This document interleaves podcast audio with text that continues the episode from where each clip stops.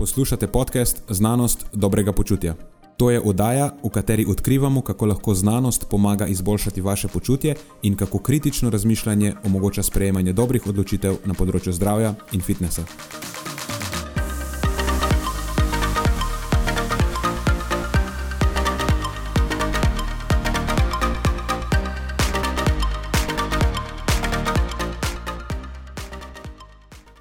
Preden začnemo, pa se moram zahvaliti še našim sponzorjem. Zaenkrat to še vedno ni velika korporacija, temveč zvesti poslušalci, ki nam izkazujete zaupanje in podporo s prijavo v našo člansko skupino Znanost dobrega počutja. Hvala vsem, ki s tem držite luči prižgane in omogočate podkastu, da raste in postaja še bolj kakovosten. Hvala tudi vsem, ki nas podpirate s pozitivnimi komentarji in visokimi ocenami, ter s tem, da priporočate podcast svojim znancem in prijateljem. Zdaj pa je končno čas za začetek epizode. Uživajte ob poslušanju.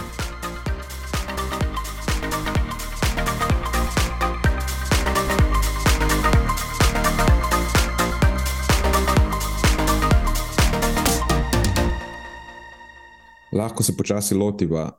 Dobila so kar nekaj zanimivih vprašanj, glihe, right up our alley, rečejo angliži temu. In najboljše, da kar greva jaz ne bi izgubil neki full časa s tem uvodom, uh Mhm. -huh. ker jih je kar nekaj. Po moje, zna biti, da se bova razgovorila pri določenih, ker jaz sem ocenil, da imajo potencial, sploh glede na to, kako so, kakšen, kakšen track record, kakšno zgodovino pogovarjanja o takih temah imamo.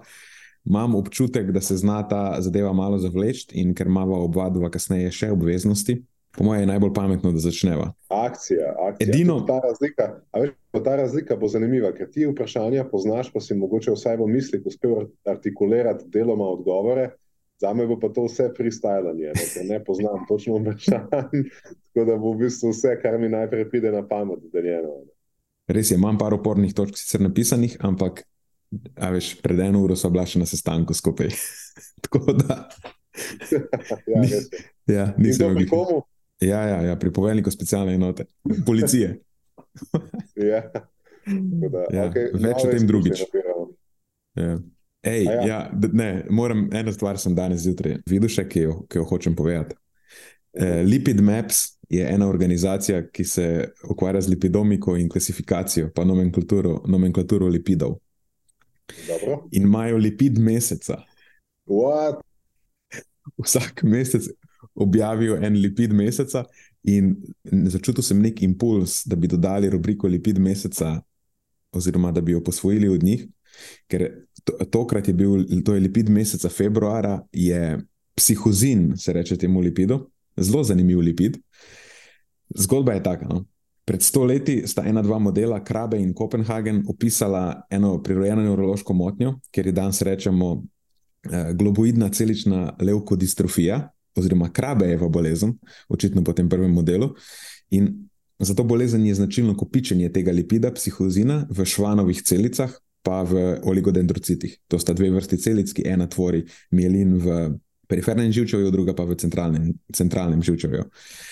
In kopičenje tega lipida gre na račun eh, ene mutacije, eh, ki povzroči pomankanje encima, ki ga kodira en gen GLC, um, ki je v bistvu gen, ki kodira za ta encim, ki je galaktocebrozidaza. V glavnem, da, da, se, da se ne zapletam uh, tukaj noter, pač motena je eh, presnova tega psihozina in ta psihozin se nabira v teh celicah, zmoti funkcijo njihove membrane in potem posledično tudi funkcijo teh celic, in uh, ne morejo proizvajati mielina. Uh, mielin to je tista ovojnica okoli aksonov, ki omogoča eh, prenašanje signalov vzdolž aksona. Motena je dejansko signalizacija med ži- živčnimi celicami. In zakaj se mi je zdelo to zanimivo? Prvič, tako, ker gre za možgane, drugič pa uh, zato, ker je ta motnja, je ponavadi se pač takoj se izrazi. Že dojenčki umrejo s to motnjo, sicer obstaja par primerov, ko se izrazi šele v odrasli dobi, ampak recimo pri dojenčkih je, je smrtna, če imaš. In gre za mutacijo samo v enem genu. In je tako fascinantno, koliko smo, koliko smo ljudje kompleksen organizem in tako samo en feler, samo en feler se nekje pojavi in vse razpade. Mislim, se zgodba je žalostna v osnovi, ampak v enem vseeno fascinantna. Zdaj si spel, spel si v, v eno minuto pa pol toliko enih besed, da noter, ki sem jih prvič slišal od tega lipida do ne vem, nekih bolezni, da me prav zanima, če si bom jutri uh, uspel spomniti vsaj eno od teh. Mafulje je preprosto v bistvu. Mutacije v enem genu, ki povzroči pomankanje nekega encima, ki jim zmoti presnovo tega lipida, ki je psihozin, se ta psihozin kopiči v celicah, ki proizvajajo mielin, mielin se ne proizvaja, motena je živčna signalizacija in ti umreš. Simple enough. Ja. Dobro. Tako da, evo, to, je, to je lipid meseca februarja, psihozin. In zanimivost tega podcasta. In zanimivost tega te podcasta. Epizode, te epizode, te epizode. Ja, ja, ja. Dobro, zdaj pa gremo na prvo vprašanje. Hm? Torej, kako si ustvariti okolje, ki, us, ki vzpodbuja osebnostno rast? V oklepaju piše prijatelji, družina, služba, torej celostno, ne, vse, vse, kar te obdaja. Jaz imam zelo kratek odgovor, ki ga bo razširila, in imam eno misel še, ki lahko pomaga pri tem. Zelo kratek je odgovor, da pač postavi si standarde in ustrajaj pri njih. To je, to je kratek odgovor. Smiselno ga bo razširiti, ker ne vem, če si kdo uh, zdaj točno predstavlja, kaj to pomeni. Ali pa če je v tej obliki zelo praktično aplikabilno. Ampak se mi zdi, da je to princip, po katerem vse potem praktične prilagoditve delujejo. Eh, da druga stvar, ki, pa, o kateri sem razmišljal za zadnje čase, je pa ta, da je ključno v tej celi zgodbi, da se naučiš reči ne. Jaz sem sicer mislil, da sem dober v tem, da rečem ne. Pa, mislim, vse najbrž sem, ampak sem zaznal eno pomanjkljivost. Doskrat, ko sicer tudi ko rečemo ne, čeprav marsikdo tudi ne reče ne, raje reče ja, včasih, čeprav bi raje rekel ne. Ampak tako, ko rečemo ne, nam je neudobno, ali pa sploh ne rečemo ker, ne, ker se bojimo uh, nekoga zavrniti. Pa tudi, ko rečemo, pa si izmišljamo neke izgovore. Veš, ne, zdaj v torek ne morem, ker imam glih neko obveznost zvečer. A pa tako, ne, vem, ne, ne dajem denarja brez domcev, če sam sedim na pločniku. Čeprav v bistvu pač nočeš v torek, ker ti ne paše, pa brez domcev pač ne daješ denarja, ker to ni nekaj, kar počneš, pač ne zdi se ti kul. Cool. Ker to vse skupaj je v bistvu bullshit. In si precej olajšaš življenje sebe in tistim okoli sebe, če, če samo rečeš ne, če ti za neki ni pol reči ne, ker ti ne paše. Ne, ne rabiš imeti izgovora za to, da nekomu jasno skomuniciraš, da ti pač zdaj ni do nečesa, a pa da nekaj ni v skladu s tvojimi vrednotami. Zdaj pa, če se on zaradi tega užali, je to v bistvu njegov problem, ne tvoj. Sicer, ne, valjda, kako mu boš to povedal, če referiram nazaj na tisto epizodo o iskrenosti, ki smo jo imeli, valjda mu skomunic moraš komunicirati. Pri vsem tem, absolutno je tudi komunikacija zelo ključna. Veš, ampak ne rabi nekdo biti užaljen, če mu rečeš ne. V bistvu je boljše, če mu rečeš ne. Ne vem, ali bi recimo ti raje, da ti nekdo reče ja, samo zato, ker se te boji užaliti in potem se druži s tabo, ne vem, pod prisilo, varianta. Ker meni se zdi, da če nekomu rečeš ja, pa bi si v resnici želel reči ne, da je to skoraj malo zavajanje. ne vem. Tako. Pa če rečeš ne, če misliš ne. Razmišljam samo o situaciji, kjer bi si pa mogoče želel, um, da nekdo reče uh, ja, in mi je vseeno, kaj si misli. In mi je vseeno, če, če um, mislim, vseeno, to se tako sliši zelo um, grobo. Ampak recimo, da ti vodja neke ekipe, pa da vidiš tja, kamor drugi ne morejo, pa da si v neki situaciji, ki je časovno omejena, občutljiva, pa da želiš, da je nekaj narejeno, delegiraš naloge. Če jaz nekomu rečem, da je nekaj za storiti, da je nekaj za biti, da je nekaj za upraviti, v bistvu me ne zanima, če se on s tem strinja um, v tem trenutku, ampak ima to za upraviti in lahko v nekem času, uh, v nekem trenutku, potem razpredava, se pojasni, se približa, ampak v tem trenutku mi ni za to, da mi reče ne tukaj se v bistvu strinjam s tabo. Se mi pa zdi, da je to polo vse skupaj tako samo bliž na rano. Ker če ti nekdo reče ne v okviru tvojega kolektiva, takrat, ko ga ti rabiš za delo, to je tako zelo specifična situacija. Ne? Um, specifična situacija je. Ja, pol je on nekdo, ki ne sodi v ta kolektiv. In je zdaj sicer kul, cool, da je rekel ja, kljub temu, da bi raje rekel ne, ampak bi ga bilo mogoče bolj koristno odrezati in najti zamenjavo. V bistvu te je zavedel s tem, da ti je rekel ja, kljub temu, da bi ti raje rekel ne, ker bo mogoče celo na ta račun, ker je tam pod prisilo svoje delo opravil suboptimalno. Se to je v bistvu zelo dobra, zelo dobra lekcija za oblikovanje nekega kolektiva, spoh če, če si recimo vodja. Izpostavil sem eno, en kontekst v štartu, ki je dosti pomemben. Recimo, mm -hmm. da sem jaz vodja, ki vidi tja, kamor nekdo drug ne more. Se pravi, tež, težko vidim možno, ampak mogoče bi bil zadržan pred tem, da odrežem nekoga stran zgolj zato, ker ne vidi tja, kamor vidim jaz. In recimo, da v neki situaciji mu rečem, da je nekaj za narediti in mu ne morem, nimam tega luksuza zagati in to ni zdaj teaching moment, ampak je nek moment, kjer je treba neko stvar samo storiti. In takrat bi si želel, da enostavno se, se, se ne pogovarjava zdaj. Zdaj, zdaj velja neka, neka, um, neka, nek odnos. A me razumeš, na kaj ciljem? Ja, pravi, absolutno razumem.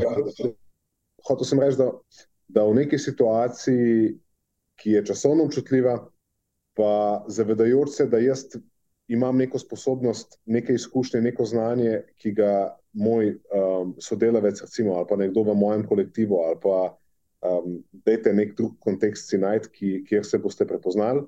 Zdaj bi samo želel, da uh, se to stori, tudi če mu do tega ni. Um, ne morem ga pa sankcionirati ali pa prepoznati, da ne spada zgolj zato, ker v tem trenutku še ne vidi to, kar vidim jaz, ali pa ne vidi. Ni, a, a razumeš, kaj hočem povedati? Ja, razumem te, ampak pazi, sam da te. V nekem drugem, v nekem drugem primeru. Ja, sam, sam da te opozorim na kontekst.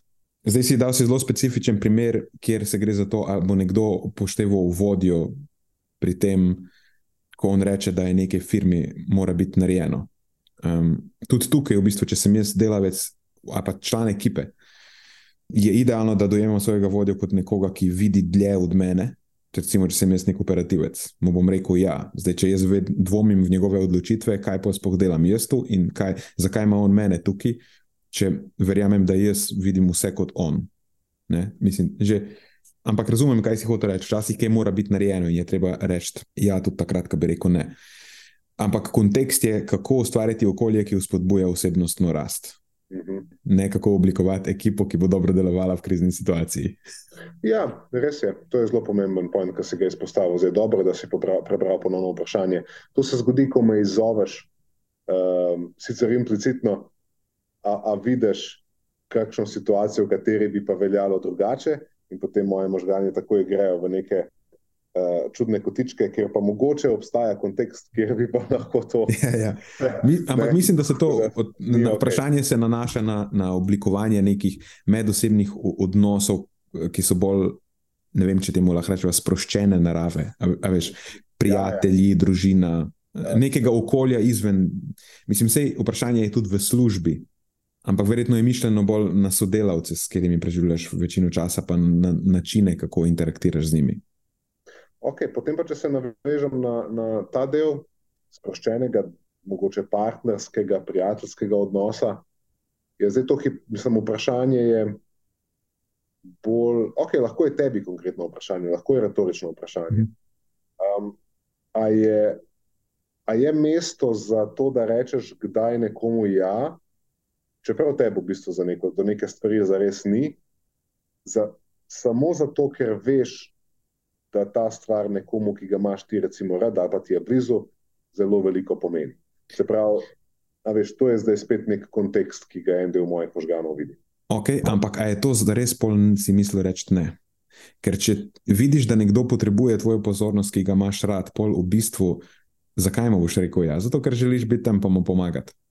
Pravzaprav ni ne, lahko je sicer.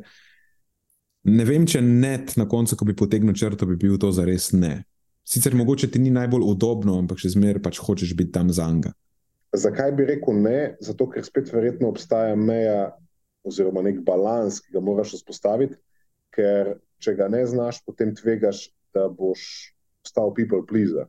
Boš enostavno um, mnogim v svojem krogu želel ugajati, ker boš opazil, da neke stvari jim pač pomenijo nekaj. Ne? In boš potem na nek način sebe skuril, da boš drugim luči prežigal. In, -huh. in tukaj vidimo, da je potem ta meja, oziroma ta balans, ki ga moraš iskati, kjer pa včasih je pa res fajn, da rečeš, le razumem, da ti to zelo veliko pomeni, ampak v tem trenutku bo to moj ne zaradi nekega razloga, ker pač tudi sebe moraš dati ja. v spredje. Tako da, ko, ko je bilo vprašanje, a veš, ne morem se opredeliti, če še vedno je prav dajati sebe v spredje. Um, In vedno je prav reči, ne kot ti do nečesa ni, ne glede na to, kaj to za druge ljudi v tvojem krogu pomeni. In istočasno ne morem reči, da ja, prav je narediti, tudi če ti ni do tega, da to narediš, če vidiš, da tvojemu dragemu ali pa dragi to nekaj pomeni. Ker če boš to počel venomer, potem spet tvegaš, da boš uh, končal tam, kjer ne želiš biti. Tako da vidim, da je ta nek fine line. Ne? Oziroma nek, nek, neka umetnost v iskanju tega ravnovesja, kjer, um, kjer uspeš v bistvu najti ta pravo mero um, zaupanja ali pa komunikacije, veščine komunikacije v odnosu, da znaš komunicirati, kaj se s tabo v neki situaciji dogaja in kako to v določenem trenutku vpliva. Na tvojo odločitev, da je tisti, ki je deležnik te odločitve, potem tudi lažje v primernem kontekstu razume in sprejme. Mislim, cel moj point je bil, da ne smeš biti people pleaser. No. Zdaj, verjamem, da obstaja, kaka, ja, da obstaja kakšna ekstremna situacija, v kateri je smiselno vseeno reči ja, ampak se mi zdi, da potem še zmeraj rečeš ja, zato ker hočeš reči ja. Ne vem, če sem uspel zdaj to jasno. Ja, moj point bil ta, da ne biti people pleaser, ker to nobenemu ne koristi. In če si people pleaser, ne moreš ustvariti okolja, ki spodbuja osebnostno rast. Ja. Moj del odgovora na to vprašanje bi bil, da najprej, ti si v bistvu že na, na, omenil to besedno zvezo oziroma to besedo. A, jaz sem bil del večjih ekip. Ne. Tukaj, recimo, da imam neko mero izkušenj, ali je to velika ali ni, ne vem, ampak je pa nekaj, s čimer lahko primerjam situacijo danes, primerjavi situacijo pet let nazaj in deset let nazaj in lahko opazim pomembno razliko. Najboljšo ekipo, poleg mnogih drugih dejavnikov, med katerimi ne morem izključiti na ključja ali pa neke naklonjenosti više sile, um, je bilo golo dejstvo, da sem jaz postal malo bolj zaveden do tega, katere so moje osebne vrednote. Um, in ko sem začel svojo osebnost ali pa svojo osebnostno rast graditi na tem temelju, potem je postalo bolj jasno, um, kakšno ekipo ali pa kakšne medosebne odnose želim v prihodnosti uh, spodbujati in katerim se želim odreči. Um, v preteklosti, ko teh, tega recimo nisem imel tako dobro razdeljenega, potem sem sprejemal ljudi v svoj krog bolj impulzivno, eh, bolj odvisno od nekega počutja v danem trenutku, kako, kako se ob neki osebi v danem trenutku počutim, kako se ujameva. In to ti zna zamegliti presojo um, o tem, kako zares koristna ta oseba v tvojem življenju je. Mhm to je bila bistvena razlika moj, v moji poti. Lahko da je za koga drugega, seveda, to povsem drugače. Ampak jaz sem opazil, da ko sem nekako sam pri sebi začel razmišljati v tej smeri, uh, okay, na čem jaz stojim, katere so moje vrednote, kdo nekako na teh vrednotah bi uh, stoji ali pa si želi stati poleg mene, uh, potem je bilo bistveno lažje sprejemati vse drugačnosti. Drugačnosti postanejo zanimive, tujimi drugačnostmi lahko uh, razširiš svoj repertoar um, nekega sprejemanja, nekega dometa. In to bi bil, recimo, moj, moj pogled, ali pa moj del odgovora na to vprašanje, poleg nečesa, kar sem že, mislim, da omenil v preteklosti, in to je ta nek krog zaupanja, ki, uh, kamor sprejmeš potem takšne ljudi. In jih mora biti namenoma zelo malo, uh, ki nekako dopolnjujejo tvoj, tvoje pristranskosti. In to, zaveda, to, to potem zahteva od tebe ne samo, da razdelaš, katere so tvoje vrednote, ampak da si dovolj uh, samokritičen ali pa da premoriš dovolj samoanalize, da ugotoviš zaradi svoje zgodbe, zaradi, do, do katerih tem utegneš biti bolj pristranski, um, kot pa recimo The Next Guy, ne, kdo drug. Uh, ker mislim, to je moje osebno mnenje, da pristranskosti so nekaj najbolj človeškega. Uh, in, in če jih uspeš prepoznati, potem uspeš tudi najti ljudi, ki te bojo znali na določenih uh, pristranskostih, recimo kot si bil ti tak, in si še danes tak, uh, znaš moje pristranskosti zelo dobro čekirati, jih izpostavljati in me na njih loviti. In to je nekaj, kar v bistvu, kakorkoli zna biti v določenem trenutku težko, širši perspektivi poglablja uh, uh, odnos. Tako da to sta pa moji dve no, točki. Mhm. Prej si omenil, da se je vse začelo premikati v pravo smer takrat, ko si se začel obdajati z ljudmi, ki, oziroma ko si najprej definiral vrednote, ki jih imaš, od katerih ne odstopaš, in si se začel obdajati z ljudmi, ki imajo iste vrednote. Uh mhm. -huh. No, točno to sem jaz mislil, ko sem rekel, postavi si standarde in ustrajaj pri njih. In to je lahko zelo praktična vaja. Naredi si seznam, naredi si seznam vrednot, od katerih ne misliš odstopati. Naredi si seznam, kaj pričakuješ od tvojih prijateljev, s kakšnimi ljudmi, kaj hočeš, kakšne vrednote, lastnosti imajo tvoji prijatelji. Eno ti si izpostavil, recimo, da te lovijo na nepristranskostih. Naredi si seznam, kaj pričakuješ od svojega partnerja, itd. itd. Naredi si seznam, kako želiš, da tvoja družina funkcionira, pač dej na list papirja. Um, mislim, to sem jaz naredil, če sem čisti iskreni. Jaz ja. imam seznam, kaj pričakujem od svoje partnerke, Ma, imam seznam, kaj pričakujem od svojih prijateljev. V družini, v kateri sem bil rojen, sicer nimam seznama, ampak ga nisem rabo delati, ker je odnos evolviral. Ma, imam to srečo, da um, v bistvu imam srečo s svojimi starši, kako, kako naj temu povem, uh, da smo pač to nekako organsko uspeli skomunicirati tako, da so, da so zdaj oni lahko del mojega življenja in jaz del njihovega življenja. Ampak tukaj mislim, da je še ena pomembna lekcija, se v tem skriva, ki se mi zdi, da jo mora tudi marsikdo slišati. Nimaš nobene dožnosti, da preživljaš čas v družbi ljudi, ker jih vrednote niso usklajene s tvojimi, in to velja tudi za družino, v kateri si rojen. Nobene dožnosti nimaš, da preživljaš čas s svojimi starši, če ne delijo tvojih vrednot, a pa so celo toksični za te. Kljub temu, da ne maram besede toksičen, jo bom tukaj uporabil. Ker, mislim, v idealnem primeru ti starši tako predajo neke vrednote, spet dobre, ne?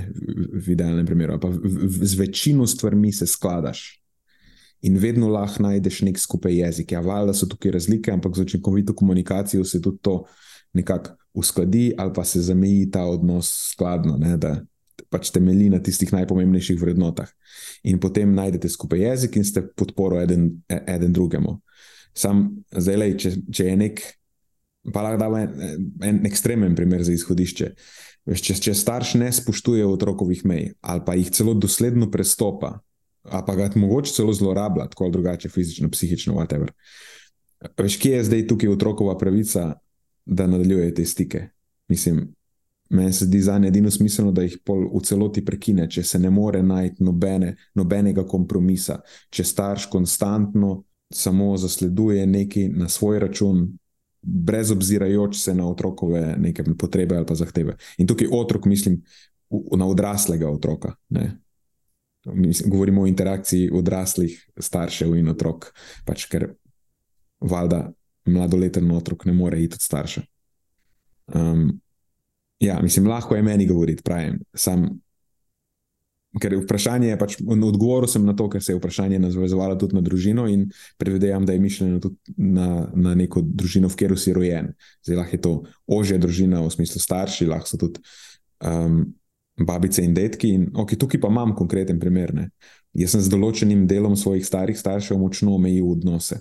Pač postavil sem neke standarde in jih spuščam do neke meje, ne pa dlje ker, ker je bilo dlje, ni bilo dobro za me. In so zdaj pač oni omejeni tam, kjer dokamor lahko uh, pridejo, brez da to ne, negativno vpliva na moje, na moje psihološko stanje. Zdaj oni so lahko zadovoljni s tem, ali pa ne.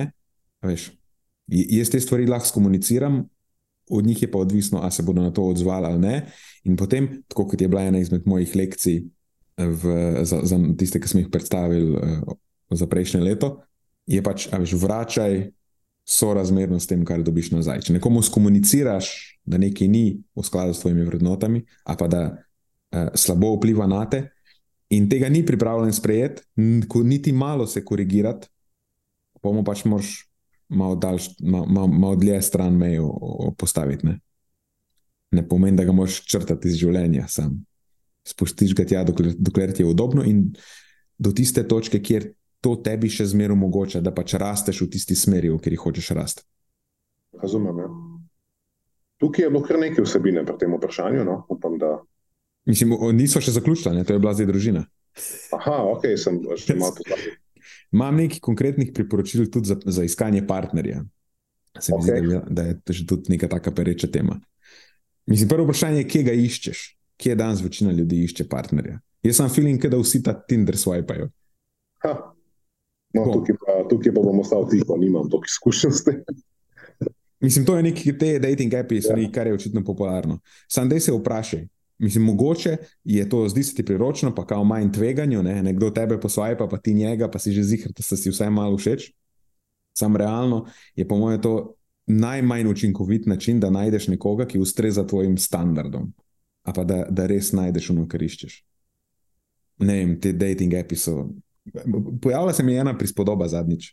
Sicer že dolgo nisem uporabljal, mislim, dolgo, par mesecev, že nisem uporabljal tega, ampak skozi, skoz, ki sem swipe, potem sem imel tak nek čuden feeling, tako, počutil sem se umazan. In zadnjič so mi, po nesreči, ki sem nesel smeti, smeti dol v kontejner, sem ključ, imel sem ključe, ker sem glih šel v gim. In so mi padli ključi noter v smetnjak.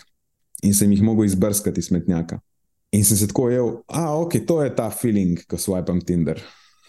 No.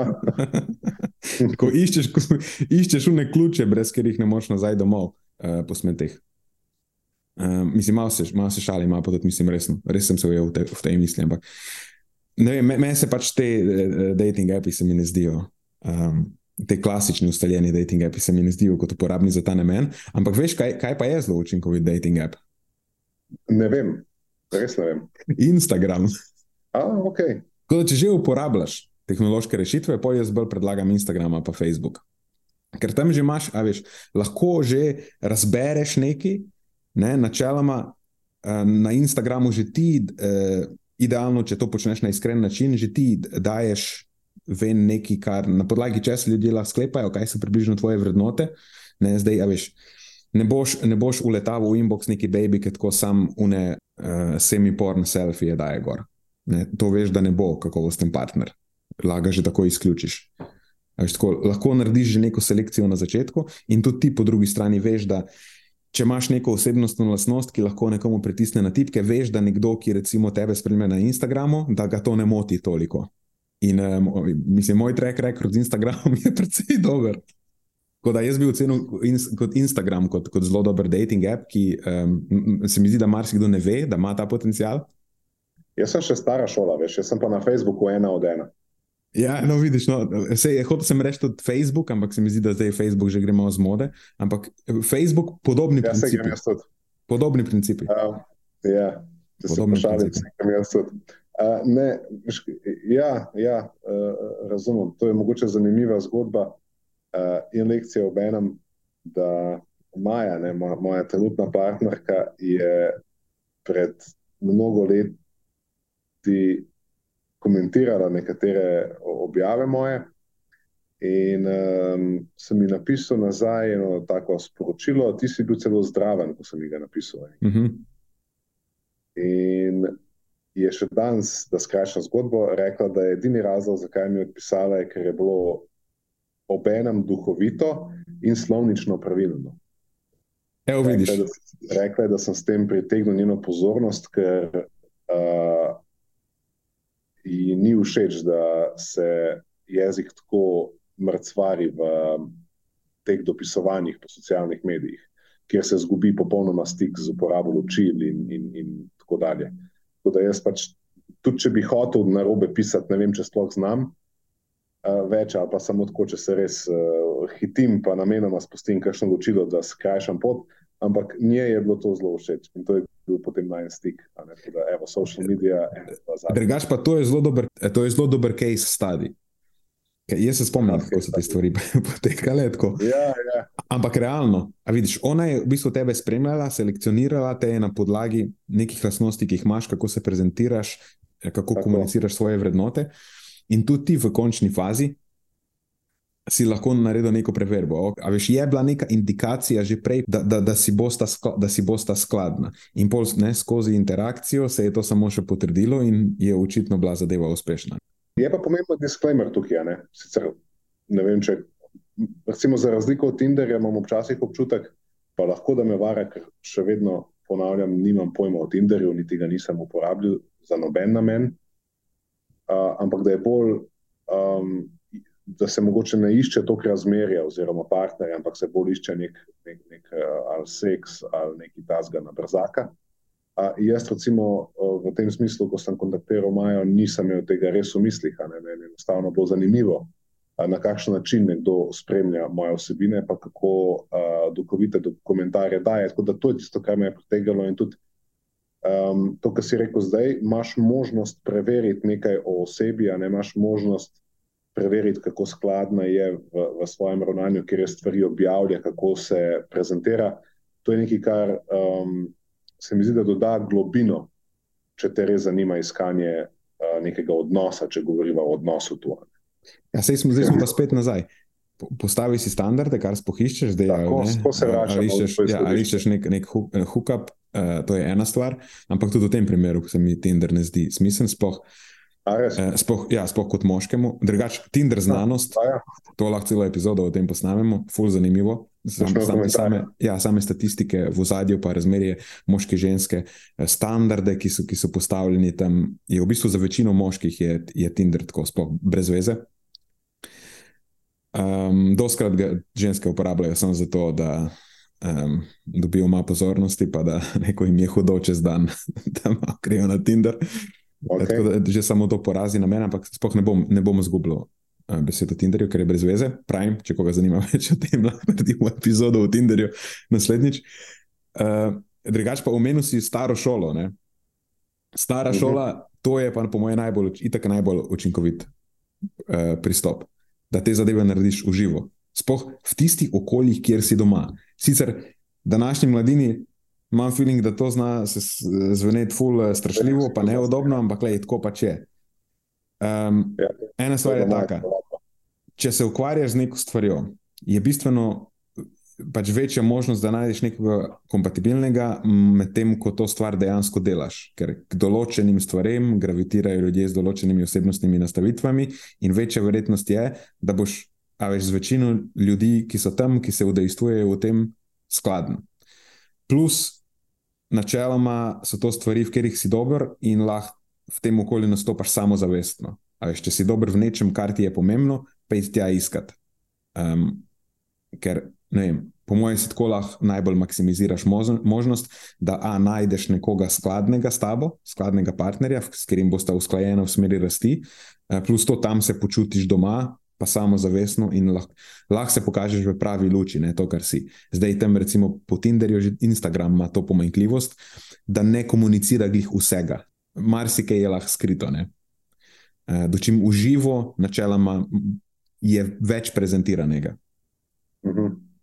Tako da to bi bili moji nasveti, kar se tiče iskanja partnerja. Uh, za, za, za maksimizacijo osebnostne rasti, kako najti pravega. Um, ampak dobro, mislim, da zdaj, zdaj smo že full časa na tem vprašanju, ampak po mojem so kar odgovorili. No? Ja, misliš. Jaz sem že mislil, da sem končala ene pet minut nazaj, pa si se ti spomnil še ne par stvari. Ja, ok. ampak ok, ok, neš narobe. Okay, gremo na naslednje. Še eno zanimivo, ki je zna biti zelo sorodno temu, oziroma pa vsaj tangentno, je Myers-Briggs test. Torej, najno mnenje, sploh kar se tiče zanesljivosti in veljavnosti. Jaz ne vem, kaj misliš, ali ljudje poznajo Myers-Briggs test. Fuh, rekel bi, da večina ne, mnogi ga, Jaz ga, ampak zanimivo, da ne zelo podrobno. Um, vse, kar vem, je, da ni evidence-based, da ima pseudoznanstveno ozadje. Uh, vem tudi to, če drži, da je bil v bistvu skovan na osnovi interpretacije neke knjige, dveh avtoric, um, in da ima zelo omejeno validnost, oziroma da niti ni bil validiran. To je v bistvu vse, kar jaz vem. Um, ne vem pa točno, v kakšnih kontekstih se ga uporablja, in ali dejansko obstajajo situacije, kjer bi lahko imel neko uporabno vrednost, um, ali je to nekaj, kar bi bilo kar smiselno v splošnem, uh, da ne rečem zanemariti, pa vsaj nadomestiti s kakšnim um, bolj točnim. Zdaj pa ti veš več. Mene je to vprašanje zadelo, tako bom rekel. No, vse jaz sem jaz. ker, je, ja, ker, ker je pač področje osebnostne psihologije je nekaj, kar uh, me, me predvsem mi zanima. najprej, sem jaz sploh prav jaz to. Ja, Ja, ja, pripravljen. ja si, kar- si, kar- si kar ok povzel. Ja. Zdaj, večina si mogoče ne ve točno, ker test ima v mislih. V glavnem, eh, uradno se mu reče The Myers-Briggs Type Indicator. In pač to je en test. Mislim, jaz mislim, da, da ga je precej ljudi že delalo, tudi če ni vedelo, da gre to točno za ta test. V glavnem gre za en test, ki opredeli tvojo osebnost v enega od uh, 16 tipov na podlagi štirih kategorij. V bistvu odgovarjaš vprašanja po Likartovi lestvici, koliko se strinjaš s tem, koliko se ne strinjaš s tem, in potem te opredeli na podlagi štirih kategorij. Prva je, kam si fokusiran, a si ekstrovertiran ali introvertiran, kako sprejemaš informacije z občutenjem ali z intuicijo, to je sensation or intuition, kako se odločaš z razmišljanjem ali po občutku, to je ne, thinking or feeling, pa kako opazuješ svet. Če bolj sodiš ali bolj opazuješ, ne? judging or perceiving je, je angliško. In potem dobiš ne, neke št- štiri črke. Dobiš. Recimo, jaz, ki sem ga rešil, večino krat, ko ga rešim, dobim uh, ISTJ, ISTJ. In, Mhm. in poje skozi zanimivo, ko grem spodaj gledati, kdo so une osebnosti znane, ki imajo tudi ta, tudi ta personality type. Je tako, Gerald of Rivia, pa Jason Bourne, pa Edward Stark, veš, vsi oni, s katerimi se kao poistovetiš. In ti je pol full fino. No, polk sem pa malo bolj tako uh, avanturistično, ekscentrično razpro, razpoložen, če ga grem rešiti, dobim pa ISTP, torej ena črka se mi spremeni, ne? dobim drug tip osebnosti. Pa pa grem spet spodaj pogledat, pa so Jason, Jason Bourne, John McClane, Indiana Jones, Michael Jordan, veš, tako pa je spet fino. Ne? V glavnem, Pa je to fino. za, zakaj to razlagam? Je zato, da te tisti testi načeloma je fajn, da so ponovljivi. Uh, če ga jaz dvakrat rešujem, pa ja, dvakrat dobim, uh, pa dobim različne tipe, je tako že um, malo rdeča lučka, kar se tiče testa osebnosti. Se več o tem lahko bom kasneje povedal. Uh, drugač pa, zakaj je ta stvar privlačna? Zaradi ene zadeve, ki jo rečemo Barnumov učinek. To je v bistvu je neka kognitivna pristranskost, ker veš sebe hitro prepoznaš v takem nekem splošnem opisu, ki bi ga, ki je, bi ga lahko tudi posplošil na večji del populacije, ampak pač sebe prepoznaš sploh, če je stvar opisana na način, kot ti sebe dojemaš, da ti potrdi neke tvoje, eh, to, kar bi ti rad bil, ali pa kar misliš o sebi, da si. Tako da se mi zdi, da je zaradi tega predvsem ta zadeva popularna. Je pa zanimivo, da ta test uporabljajo razne organizacije v raznih podjetjih, v, vseh različnih industrijah, na vseh različnih področjih. Veš, ker v področju te pa tega ne uporablja? Preseneti me. Psihologija. Ha. Očitno, ja, okay, to niti ni bilo presenečenje. Ja, je gano to. Ja, tukaj bi lahko zaključil na tej točki. ne. Ja. Uh, drugač pa, prej si še rekel, da sta ga dve avtorci, pisatelji zasnovali, tudi to drži. V bistvu sta bili kao ljubiteljski psihologinji. Ja, Catherine Cook Briggs je bila eh, v osnovi eh, tista, ki je začela s to idejo, je bila pisateljica in je, svoj, in je navdih črpala iz del Karla Junga eh, in, in te njegove teorije o človeški psihi. Po, po je bila pa še njena hčerka, Izabel Briggs Myers, ki je pač njeno delo nadaljevala, logično, ne, mama je vplivala na njo po, po nekakšnih istih idejah.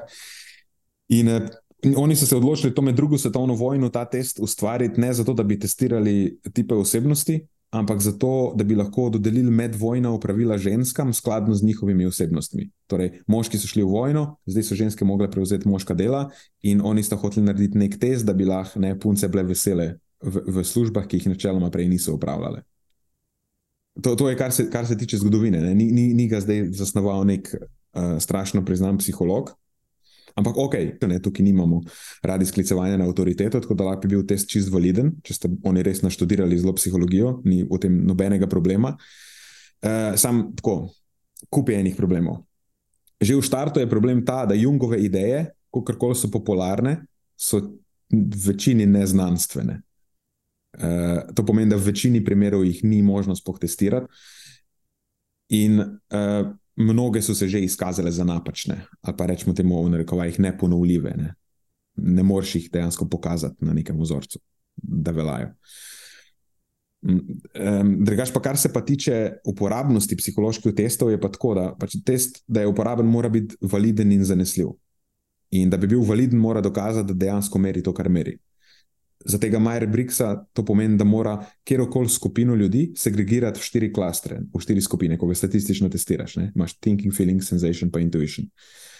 Uh, v, glavnem, v tem primeru, ko to dejansko izvajaš na vzorcu ljudi, se doskrat ne zgodi, doskrat dobiš več klastrov ali pa so neskladni. Uh, plus še en problem je ta, da uh, Majers Briggs naj bi segregiral uh, vzorec tako bimodalno, ali veš, vedno si eno ali drugo, ekstrovert, introvert. Sicer določeni testi ti dajo neke odstotke, ampak vedno dobiš eno črko. Ne, ne dobiš 60% I, 40% E, ampak dobiš eno črko. Torej, po defaultu te segregira bimodalno. Uh, pač dve opciji sta, ali si to ali si drugo. To pa vemo, da ne drži. Osebnostne lastnosti vedno obstajajo na nekem spektru in so tudi odvisne od situacije. Tako da, načeloma, z moje strani, ja, kot jaz poznam literaturo na tem področju, je pač negativna ocena, in v psihologiji se ga načeloma uh, izogibajo. In čisto, če povzamem, je pač ta Myers-Briggs test ima slabo zanesljivost, slabo validnost, pač ni dobro podprt znanstvenimi dokazi. Kar se tiče pa te popularnosti, pa razširjenosti, pa domnevne točnosti, uh, to pa bi jaz pripisal tej kognitivni pristranskosti, barnovemu efektu. Ne, to je tisto, zaradi katerega smo labilni za razne ohlapne opise naših značilnosti, s katerimi se bolj hitro poistovetimo. Recimo horoskop. Ja, horoskop po podobnem principu bi rekel, lahko rekel, najbrž deluje. Um, kar bi pa tukaj še povedal, je pa to, da ne bo samo vnašala negativizma, da je pa biti malo še koristna. Obstajajo boljše alternative.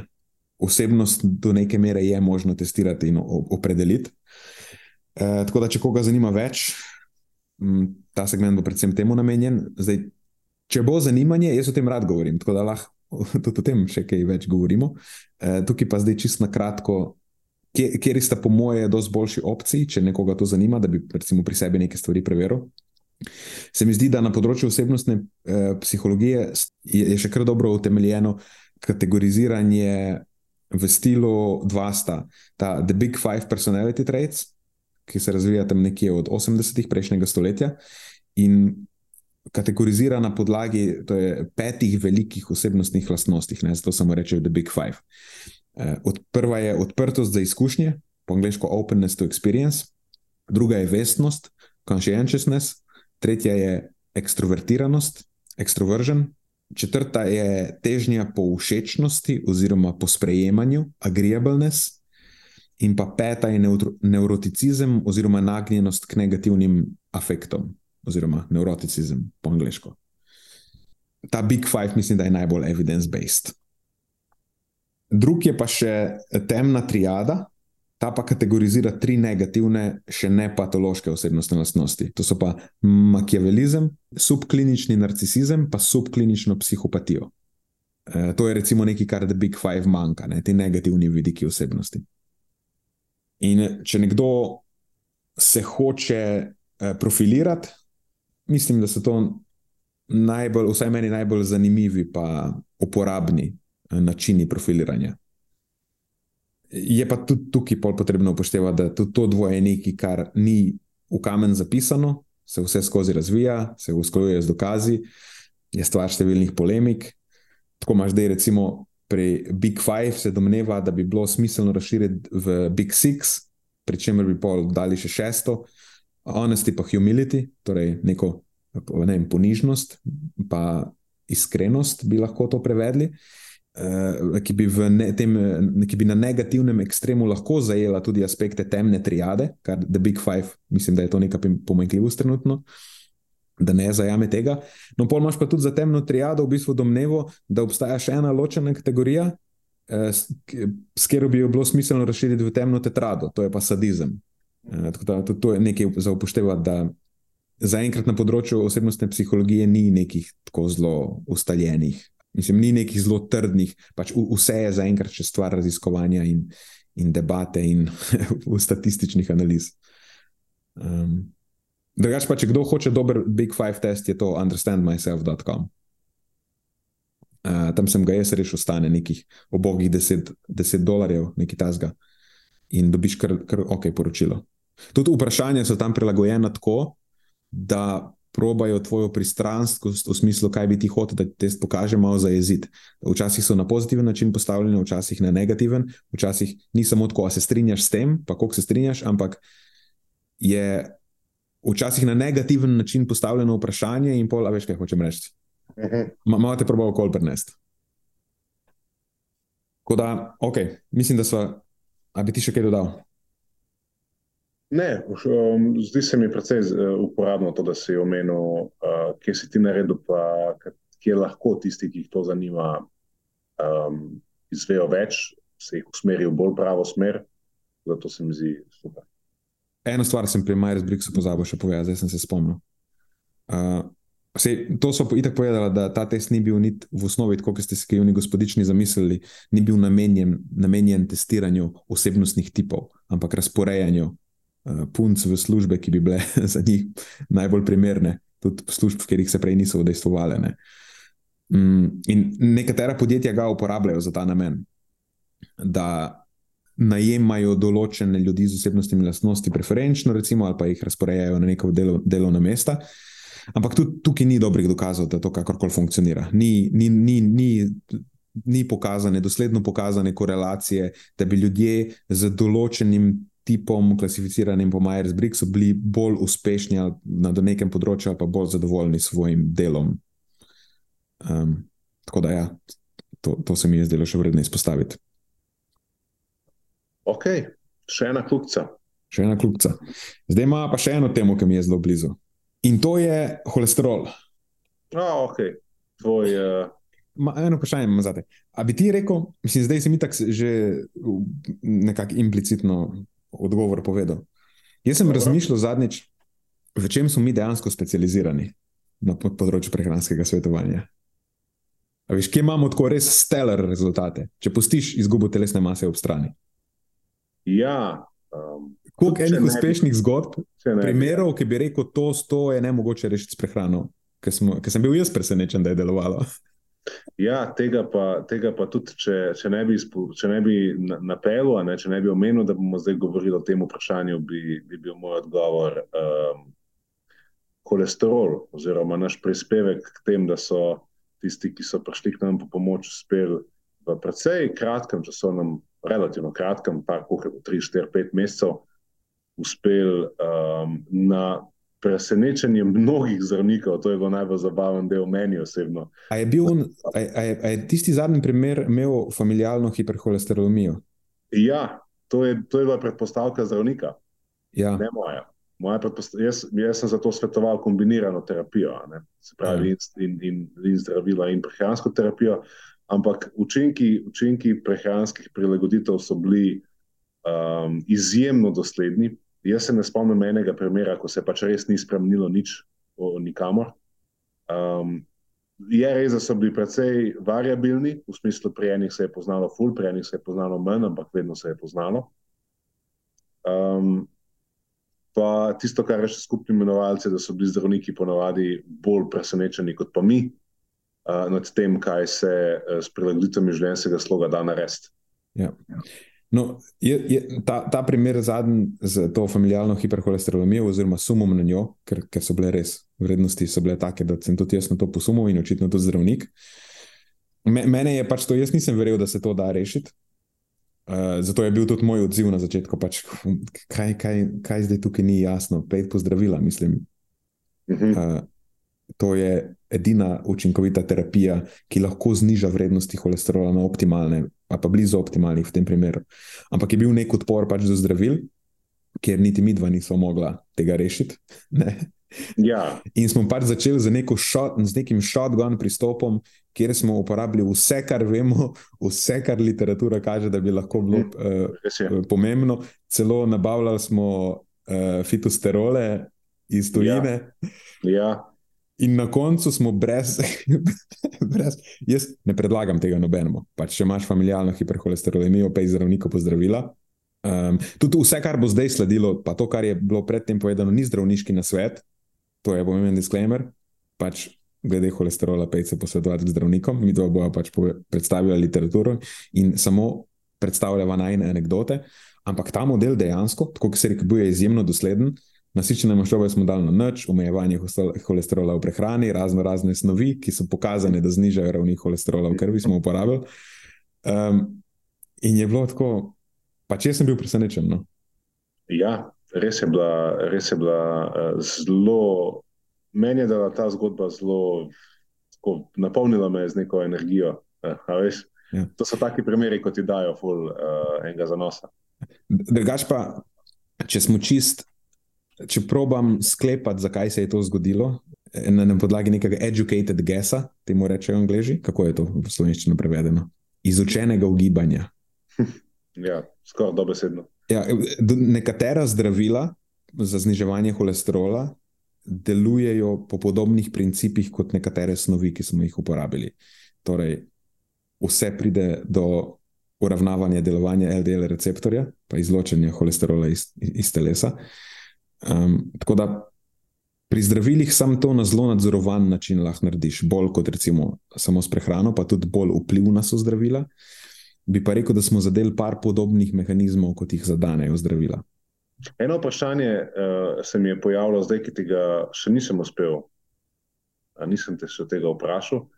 Kako misliš, da je po dobremu rezultatu prispevala ta nekakšna karakterna nastavitev tega posameznika, da je zelo dobro se soočil s stresom, zelo tak pragmatičen je bil mm -hmm. po naravi. To hočem povedati. Predvsej, po mojem imamo opravka z ljudmi, ki jih neka zdravstvena diagnoza lahko precej razburi ali pa vzburi, tako veliko stresa vežejo na to in vse te prilagoditve predstavljajo, predstavljajo za, neko, za njih neko novost in kar precejšno mero stresa. V tem primeru je pa tako, ok, v redu, pač kar smo dali, to bomo zrihtali, ne? Ni bilo nekega hudega uh, pritoževanja ali pa upora, vsa, vse se bo dalo rešiti. In v bistvu me zanima, koliko misliš, da je pa to lahko nek dejavnik, ki pač, a veš, da svoje. Mislim, imel je očitno veliko mero samozavesti, da bo to šlo skozi, in bil je zelo dosleden pri upoštevanju tega, ker tukaj ni pardona. Tudi zdravila za holesterol jemliš vsak dan, praktično. Zaupal nam je tudi. Ja, tudi to. In on je to izvajal iz dneva v dan. Veš, tako ni bilo, zdaj bomo pa neki neki. Ne, ne, ni nasičenih maščob, fitosteroli, dodajanje ja. paknin. Ni, je, veš, bil je posebna vrsta osebe. No? Ja, se zato pravim, kako je recimo to nekaj, kar lahko prispeva k pojasnilu za tako izjemen rezultat, da o, o, greš lahko od nečesa, kar ima, eh, kar že meji na, na, na, na, eh, na, na neko dedno uh, motnjo, pa do tega, da spraviš praktično pod mejo potrebe po uh, kompliciranju vsakršnem ali pa neke ja, meje sploh diagnoze. Ja, se, jaz zato mislim, da za večino ljudi ta strategija ni primerna, ker enostavno niso sposobni biti tako dosledni. Mm. Preveč bi se jim to zajedalo v kakovost življenja. On je pač to sprejel kot nekaj, kar preferira čez zdravila. Mm -hmm. in, in je bil pripravljen sprejeti ta kompromis. Ne moš oboje, ne hočeš reči, ne moš oboje. Pač jaz sem zdaj zdravil, ne? ampak istočasno pa ne bom tudi to bil, kot se mi bo zazdel. Pač Mislim, lahko, sam boš 20 let prej umrl. ja, ne, ne. Moraš v bistvu tudi pri, eh, biti dovolj samokritičen, pa, ne, da, da rečeš, ok, če vem, preseb, če poznam preseb, tudi da nisem najbolj dosleden, bom pa vzel sebi v bran, vsaj eh, zdravniško, uh, mislim, uh, zdravila. Ne. Ja. Ok, da vam idva rešiti to vprašanje, ki se glasi ja. tako. Kako problematičen je skupni holesterol okoli zgornje meje, oziroma malenkost čez zgornjo mejo, če LDL holesterol ni povišan čez referenčne vrednosti in je visok tudi HDL holesterol? Gospod specialist. Mislim, to mislim, da bo zelo hitro rešila. Mhm. Ena stvar je ta, ta mit je sicer še zmeraj prisoten v splošni, v, v, nekem, v nekem občem prepričanju in v gostilniških pogovorih, ampak HDL holesterol ni dober holesterol. In doskrat je nekoliko višji HDL holesterol samo kompenzatorno povišanje ob sočasnem povišanju LDL holesterola. Zdaj imamo že precej, precej dokazov, eh, pridobljenih po večjih linijah dokazovanja, da samo povišanje HDL holesterola ni zaščitno. Recimo tudi študije z mendelsko randomizacijo kažejo, da ljudje, ki imajo genetsko povišene ravni HDL holesterola, niso bolj zaščiteni pred aterogenim delovanjem uh, delcev z nižjo gostoto. Tako da ta, jaz se s tem HDL holesterolom sploh ne bi obremenjeval. Uh, ta mit je v lipidologiji že zdavnaj umrl. No. Pač HDL ni dober holesterol, ni zaščiten holesterol. Lahko nam sicer po, pove nekaj ali pa pomaga sklepati o splošnem presnovnem stanju, uh, um, ampak ni, ni neka stvar, ki bi namenil veliko pozornosti. Uh, z vidika tveganja za srčno-žilne bolezni, če se zdaj pogovarjamo o teh najbolj splošnih markerjih, ki so praktično na vsakem povprečnem krvnem izvidu. Namreč k temu vprašanju zraven sem, sem, sem dobil tudi. Uh, Sem dobil tudi sliko izvida, kot, kot primer, o čem se pogovarjamo. Uh, absolutno ne, ni, jaz ne dajem zdravniških nasvetov, tako da to jaz samo interpretiram literaturo to ni zdravniški nasvet, pejte k zdravniku po zdravniški nasvet. V glavnem, če se pogovarjamo o teh nekih takih zelo splošnih uh, testih, ki so vsem dostopni, pol nas najbolj zanima LDL holesterol. In uh, zato pa vemo, da celo pri ljudeh, ki imajo optimalne vrednosti ostalih dejavnikov tveganja za srčno-žilne bolezni, se zazna neodvisna povezava LDL holesterola z bremenom aterosklerotične bolezni. In to se zgodi celo pri LDL holesterolu nad 1,5 mmol na liter. Nekako doka dokazi nakazujejo, da bi LDL holesterol pod to mejo lahko bil optimalen, eh, če govorimo o znižanju tveganja za aterosklerozo, pa pol eh, omejevanju tveganja za srčno-žilne zaplete in bolezni. Ne? In zdaj, kar se tiče pa te referenčne vrednosti, oziroma zgornje meje, Ta je pri nas nekje, a je 3 mmol na liter, se mi zdi, mogoče kako decimalka. Kot rečeš, ja, zdaj je decimalka gor. Ja, jaz pač ne vem niti številke, ker se s tem ne obremenjujem. Uh, zakaj ne? Ker te referenčne vrednosti niso plod, niso evidence-based, kako bi rekel. Veš, to so, um, niso postavljene na podlagi dokazov ali pa v mislih s tem, da bi znižale optimalno tveganje čisto domače, te referenčne vrednosti so neka statistično določena meja eh, na podlagi normalnih vrednosti v populaciji, in pač vse, kar ni alarmantno, je načeloma, načeloma znotraj referenčnih vrednosti. Zdaj, če ima nekdo vrednosti LDL holesterola do 3 mmol na liter, pa ni v skupini s povišanim tveganjem, da je tako low risk, ja, pol to najbrž ni alarmantno. Ni zdaj neki, zaradi česar bi jaz zagnal Viking Creek. Sam bi pa tudi rekel, da je daleč od optimalnega. Mislim, da bomo ugotovili v zelo kratkem, da so vrednosti okoli 1,5, pa nižje, idealne, in da praktično velja nižje, kot, kot so, boljše je z vidika srčno-žilnega tveganja. Tukaj govorimo pri posameznikih z odsotnostjo neke kronične bolezni, tam vemo, da lahko pride tudi do patološko zniženega LDL holesterola, to je neka druga stvar.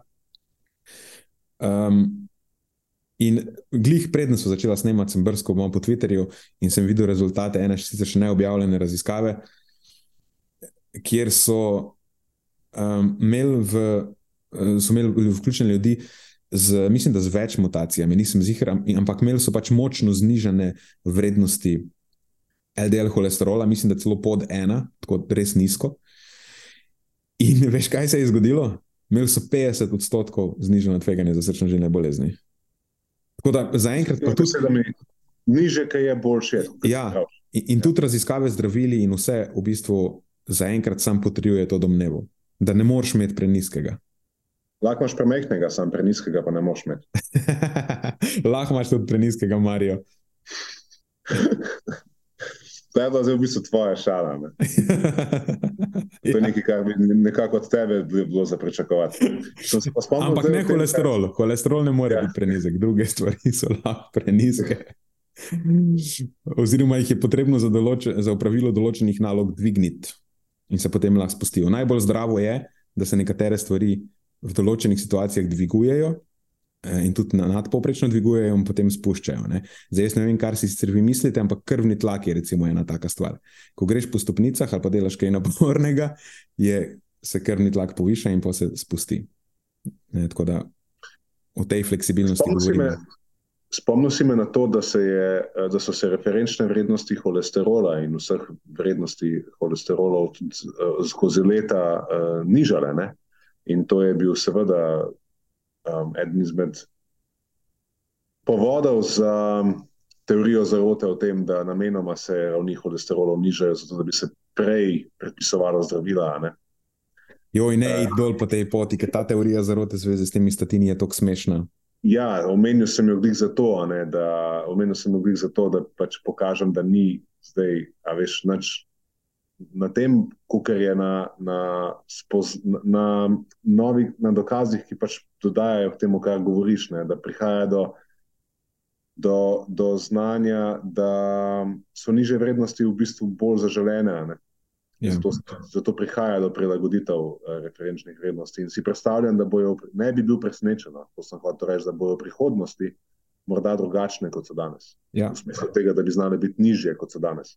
Ja, znali bi biti. Uh, drugač pa, kar se tiče statinov, to ni zdravniški nasvet, če vas zanima karkoli o statinih, pejte vprašati zdravnika. Ampak mislim, da tudi to celo neko strašenje o neugodnih učinkih statinov, ki so ne vem, kako hudi, pa ko jih začneš jemati, skoraj postaneš malo invalid. Uh, uh, so tako čist prenapihnjene. No. Um, mislim, da v večini primerov ni neke take posebno hude skrbi. Nekateri ljudje, jaz sicer nisem na tej strani, ampak razmišljajo celo o preventivnem jemanju statinov. Slišiš samo eno smešno stvar enkrat, ampak ta, tudi ta je smešna, sem z drugega ekstrema, da bi jih dodajal v vodo. Ampak ni, bi rekel, da to velja za večino zdravil. Spet pravim, večino, ne vsa zdravila. Ampak, A to, da so prenapihnjeni, ne ugodni učinki. So učinki prenapihnjeni. Ja, ja, so, so. Preveč posplošeni in potem dejansko. Pogosto, se, pogosto se mi zdi, da so. Ljudje, ljudje v njih iščejo. Rekel sem, da pogosto ne bi, ne bi generaliziral, ampak v splošnem se mi zdi, da je uh, prišla tudi uh, medicina v to smer, da se uh, jih gleda ful pod prste in se doskrat lahko naredi slona no, iz še najmanjše muhe. Ja. Mislim, vsekakor je primerno, da ostanemo zelo pozorni. Ker za marsikaj zdravilo se je izkazalo, da ima hujše neugodne učinke, kot smo predvidevali. No. Tudi tega ne ja. gre zanemariti, absolutno ne. Uh, in se pa potem dela, da temu rečem, medvedja usluga. Ne? Ko zdaj zaradi tega, ker je eno zdravilo se pokazalo kot malo bolj, z malo več neugodnimi učinki, da potem kar. Ok, zdaj pa, ker na vsa zdravila bomo to posplošili, in ne, ne vemo, kaj se dogaja, in tako naprej. Ja, pač nek smiseln pristop neka srednja pot, kot se posod. Ok, naslednja stvar, ki je, se meni zdela isto zanimiva, je uh, chat GPT vprašanje. Kako gledate na prehranske nasvete umetne inteligence, naprimer chat GPT-ja? Zdaj, Marijo, ti si mi rekel zadnjič, enkrat, ko si se o tem pogovarjal, da nimaš veliko izkušenj. Ne, res. To je pa področje, o katerem uh, se rad s tabo pogovarjam, oziroma rad se o njem pogovarjam, uh, zanima me, spremljam, ampak nisem šel pa, um, a veš, se s, s to zadevo dejansko pogovarjati, jo preverjati, kot ti. Ti, imel, ti imaš v bistvu zdaj že zgrajen skoraj odnos. Skoraj odnos imam, ja. Sta, sta bestiča, v bistvu, frenda sta. Da dejansko si ti njega nekaj naučil, če prav razumem. Jaz ne vem, če sem ga jaz naučil. Ja, ne vem, če sem ga jaz naučil, ali v glavnem v interakciji z mano je celo priznal mi je svojo pristranskost in priznal mi je, da se je zmotil in več ni hotel odgovoriti na isto vprašanje, ki sem mu ga postavil. Uh, drugač, moje mnenje o tem trenutno je tako, da je to zaenkrat samo zelo sofisticirana verzija nekega Google iskalnika, ali pa pač nekega spletnega iskalnika, ki dejansko brska po podatki dostopnih na spletu. Moj strah tukaj je bil, da bi lahko samo amplificiral neke pristranskosti, ki na spletu že obstajajo. Pomeni, da ti bi ga nekaj vprašal in bi on pač šel pogledati na splet in bi si zgradil neko mnenje, ki je utemeljeno na um, zavajajočih stvarih za spleta. Uh, to se je mi v preteklosti zgodilo, ko sem ga spraševal o rastlinskih oljih. Mi je dal zelo čudne odgovore, tako še čisto na začetku. Ponovil sem to vajo včeraj, glih za namen tega vprašanja, in ga nisem mogel več prisiliti, da mi odgovori napačno. Tako da očitno so ga popravili, tudi kar se tega tiče. Vprašal sem ga par stvari o ravnavanju holesterola in takih stvari, o debelosti. Um, in je dal kar korektne odgovore, ni dal zelo poglobljenih, tako zelo splošne je podal. In trenutno na področju prehrane lahko Chat GPT upravi nalogo podobno dobro kot povprečen, kot povprečen nutricionist. Eh, sploh, če od, od povprečnega nutricionista pričakujete, da vam napiše jedilnik, potem zdaj več ne rabite iti k nutricionistu, ampak lahko vprašate Chat GPT-ja. Če mu da, dostavite neke osnovne podatke, vam bo sestavil jedilnik. Um, zdaj pa, kako je to komu uporabno, Jaz mislim, da ni, ker pri nas vemo, da jedilniki ne delujejo, niti jih ne uporabljamo v praksi. Um, je pa še zmer tukaj, potem vse pride do tega, da ta zadeva ne zna človeško pristopiti in tvojih specifičnih problemov rešiti. Ne, tukaj zaenkrat še zmer rabiš človeka, ki razume vso sivino na tem področju, ki razume tvoje specifike in zna zadeve postaviti v pravilen kontekst. Tega če GPT zaenkrat še ne zna. Zna podajati zelo generalizirane odgovore. In sej to v neki obliki že imamo, sej vse smernice, on ti sam poda smernice. Veš, zdaj, če bi če GPT lahko rešil ta problem, pa bi smernice rešile ta problem. On ti sam podati smernice v bistvu, ampak vemo, da to ne deluje. Ne? Da, um, če imaš nek zelo specifičen problem vezan na prehrano, rabiš zelo specifične rešitve. Tako da jaz se zaenkrat za naš job security ne, ne, ne bojim. E, me je pa strah za vse, za vse povprečne nutricioniste, ki, ja. ki radi pišejo jedilnike. Um, opisni predelnik, ki mi je padel uh, v misli zdaj, ko si govoril o tem, je, da bi ta chat GPT potem lahko bil nekakšna interaktivna Wikipedija. Ja, ja, to je v bistvu zdaj zna sintetizirati različne stvari in ti ponuditi nekaj malo bolj. Malo globje, globje odgovore na vprašanja, ki so relativno objektivna. Tukaj je še en ampak. V začetku si rekel, da sem razvil z njim odnos. Jaz njega rad sprašujem filozofska in politična vprašanja. In postavil sem mu eno vprašanje, zadnjič, da naj z, z, z lepimi upisnimi pridevniki upiše eno zelo kontroverzno osebo iz desnega političnega pola. In mi je odgovoril, da tega ne more storiti, ker on je objektiven in AI zasnovan tako, da ne podaja nekih mnen, spokne o eh, kontroverznih osebah. Potem mu postavil isto vprašanje, da naredi za eno kontroverzno osebo iz levega političnega pola isto stvar in ga je zelo lepo opisal.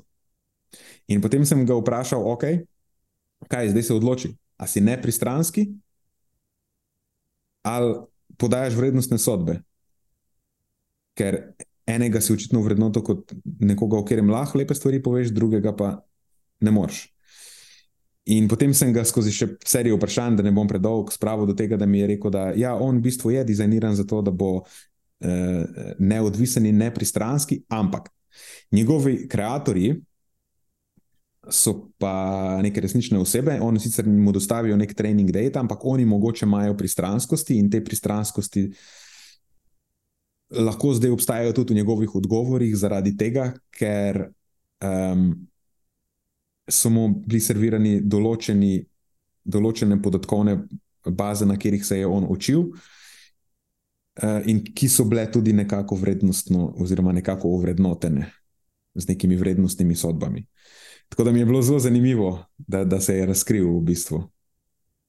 Uh, druga stvar je bila pa ta, da sem ponovil to vajo še enkrat v drugačnem zaporedju in mi je na koncu priznal, da, oprosti, zmotil sem se, ne bi smel upisati te druge osebe z lepimi predelniki, ker bi mogel ostati nepristranski, moja napaka, ne bom več tega ponovil. In potem sem mu še enkrat napisal, da mi opiše to besedo z lepimi predevniki in je rekel, tega ne morem narediti, ker sem nepristranski. Tako da ja. to, to so moje izkušnje s GPT-jem trenutno. Fascinantna zgodba. Uh, tukaj bi pa zelo lahko se kdo pohecal, pa bi rekel, da je pa to vzorno človeško vedenje. Ja, ja. bolj je vzoren pri tem, kot marsikaj človek. No, to sem pa res, kar je pa pač tista, veš, eh, vrh te ironije. ja, ja, res je. Jaz mislim, da imamo čas še za eno vprašanje, ne bo prišlo do konca, ampak to pa še lahko obdelava, ker je zelo kratko.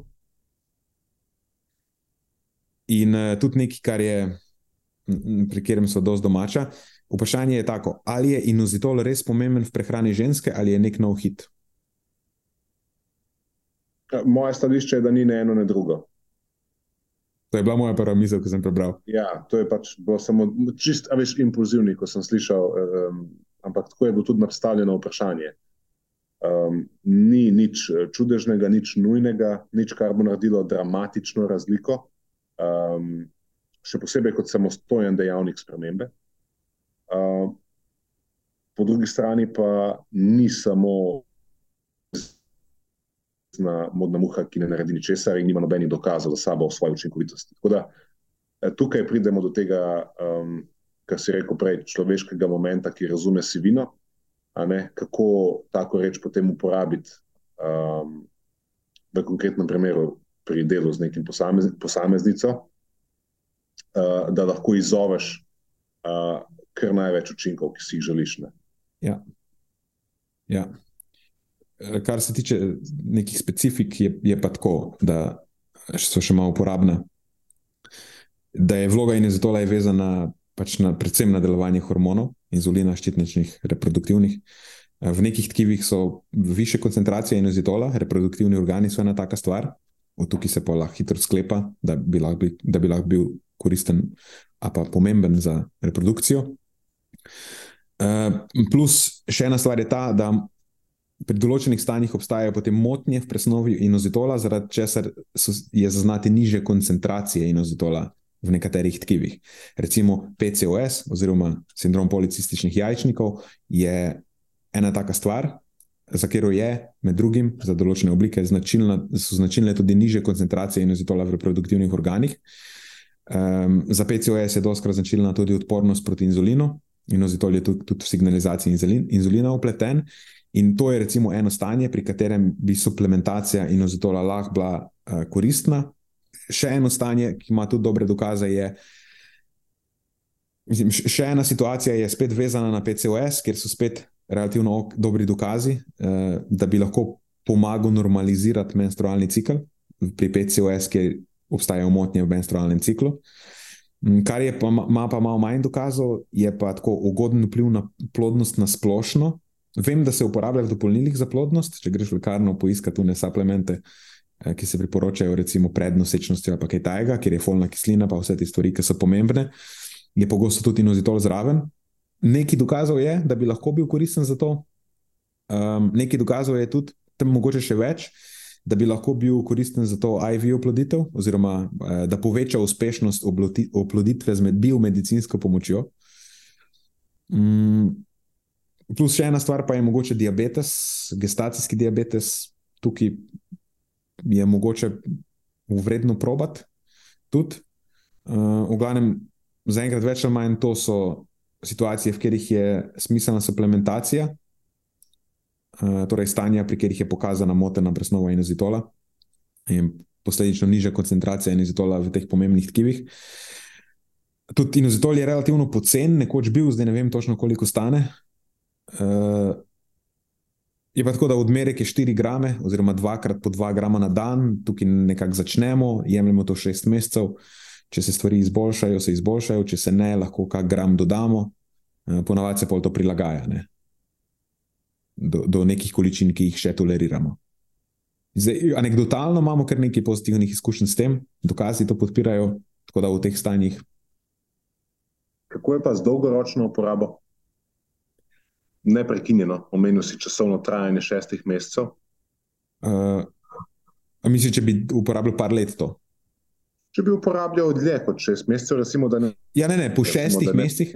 To, to pomeni, da po šestih mesecih načeloma lahko dosledno pričakuješ učinke, mm. ne prej. Ne, ni zdaj tako, da ok. Uh, Zdaj mi menstruacija zamuja, dva tedna bom začela jemati inozitol, in pol čez dva dni pride. Ja, to, to pol ni bil učinek inozitola. Uh, Um, Šel sem preveriti v 23. in v 24. epizodi podcasta. Sta z Matjažem bolj obširno govorila o enozitolu, tako da če koga to zanima, odlično. seveda, seveda vabljena ne um, poslušati. Ja, une Tam mislim, epizode, da se zadeva. une, čas. epizode, une epizode mislim, da so bile prav namenjene enozitolu. Tako je. Ja. Tako da, če je to recimo za koga res taka tema, sam da spomnim, ker zdaj je vse en 100 epizod 6, pa mogoče se pa zgubijo nekatere. Um, 23, 24 bo, bo, bo prav enozitol. Good. S tem bomo mi ga počasi zaključili, ker se nam čas izteka. Mene čaka sestanek čez tri minute. Ostalo se nam je še par vprašanj in bo shranila za naslednji QA, brez skrbi. Tako da eh, to je to. V bistvu imamo eno stvar, še, ki jo lahko omenila, dobila smo ni vprašanje, ampak je prišlo v inbox, v QA kockico. Kdo nam je napisal, ne vem, če veste, kako zelo veliko poslanstvo ste si zadali, da osveščate. Upam na čim več mladih sledilcev, da bo čim manj napačnih odločitev pri njihovi prehrani. Hvala lepa. Um, meni osebno to ne samo, da mi veliko pomeni, taka sporočila, ampak mi tudi daje na motivacijo nadaljno, da, da to delamo. Ne samo kar se tiče podcasta, ampak nasplošno, da uh, ustrajamo v tej borbi z mlini na veter. Ja, to je pa res lepo, lep komentar in lep odgovor na komentar. Tudi z moje strani res hvala. Ne, veš, ko se pogovarjaš na podkastu, ne slišiš uh, nikogar razen sogovornika, v tem primeru tebe ali pa ti mene, nimaš interakcije s tistimi, ki te poslušajo, razen na tak način, da ti podajo vprašanja ali pa kaj napišejo, ko so pozvani. In um, tukaj potem dobiš občutek, da, da vse en to, k čemu se. Uh, to, za kar si prizadevaš, da, da pade na neka plodna tla, vsaj nekje. Ja. In polniš lažje baterije naslednjič. Ko je ura sedem zvečer, ko si cel dan delal, imel za sabo, pa se vseeno usedeš, pa si prepravaš, od vse en daš nek, neko vsebino ven, ki recimo, da je bistveno bolj poglobljena, bolj premišljena, manj površna od tega, kar prevladuje v tem trenutku Ja. v našem prostoru. Ja, tako. Mislim, res. Ne morem, eh, probam zdaj najti neke, neke, neke še besede, ampak me- meni osebno to res ful veliko pomeni, ko se nekdo odzove, ker tako, kot je rekel, ni nekega komentarja spodaj, da bi se lahko razvila interakcija. In sam upaš, da bo nekdo se ti odzval na epizodo, tudi če bo kritika, če bo karkoli hotel dodati, če bo kakorkoli hotel sodelovati v debati. Ne vem, v bistvu je, je to glavna stvar, zakaj, zakaj to delam. No. Zaenkrat še nismo obogateli s podcastom. smo, smo, pa, smo pa obogateli z našimi poslušalci, kar je v bistvu na koncu dneva, vsaj meni, več vredno. To je za tokrat vse iz naše strani. Hvala, ker ste poslušali do konca. Delite epizodo s svojimi znanci in prijatelji in jo priporočajte dalje, saj s tem omogočite, da sporočilo znanost dobrega počutja doseže čim večjo množico. Hvala vsem, ki nas podpirate s članarino in tudi vsem ostalim, ki delite podcast dalje in nam izkazujete naklonjenost z visokimi ocenami in pozitivnimi komentarji. Se slišimo prihodnjič, do takrat pa ostanite premišljeni.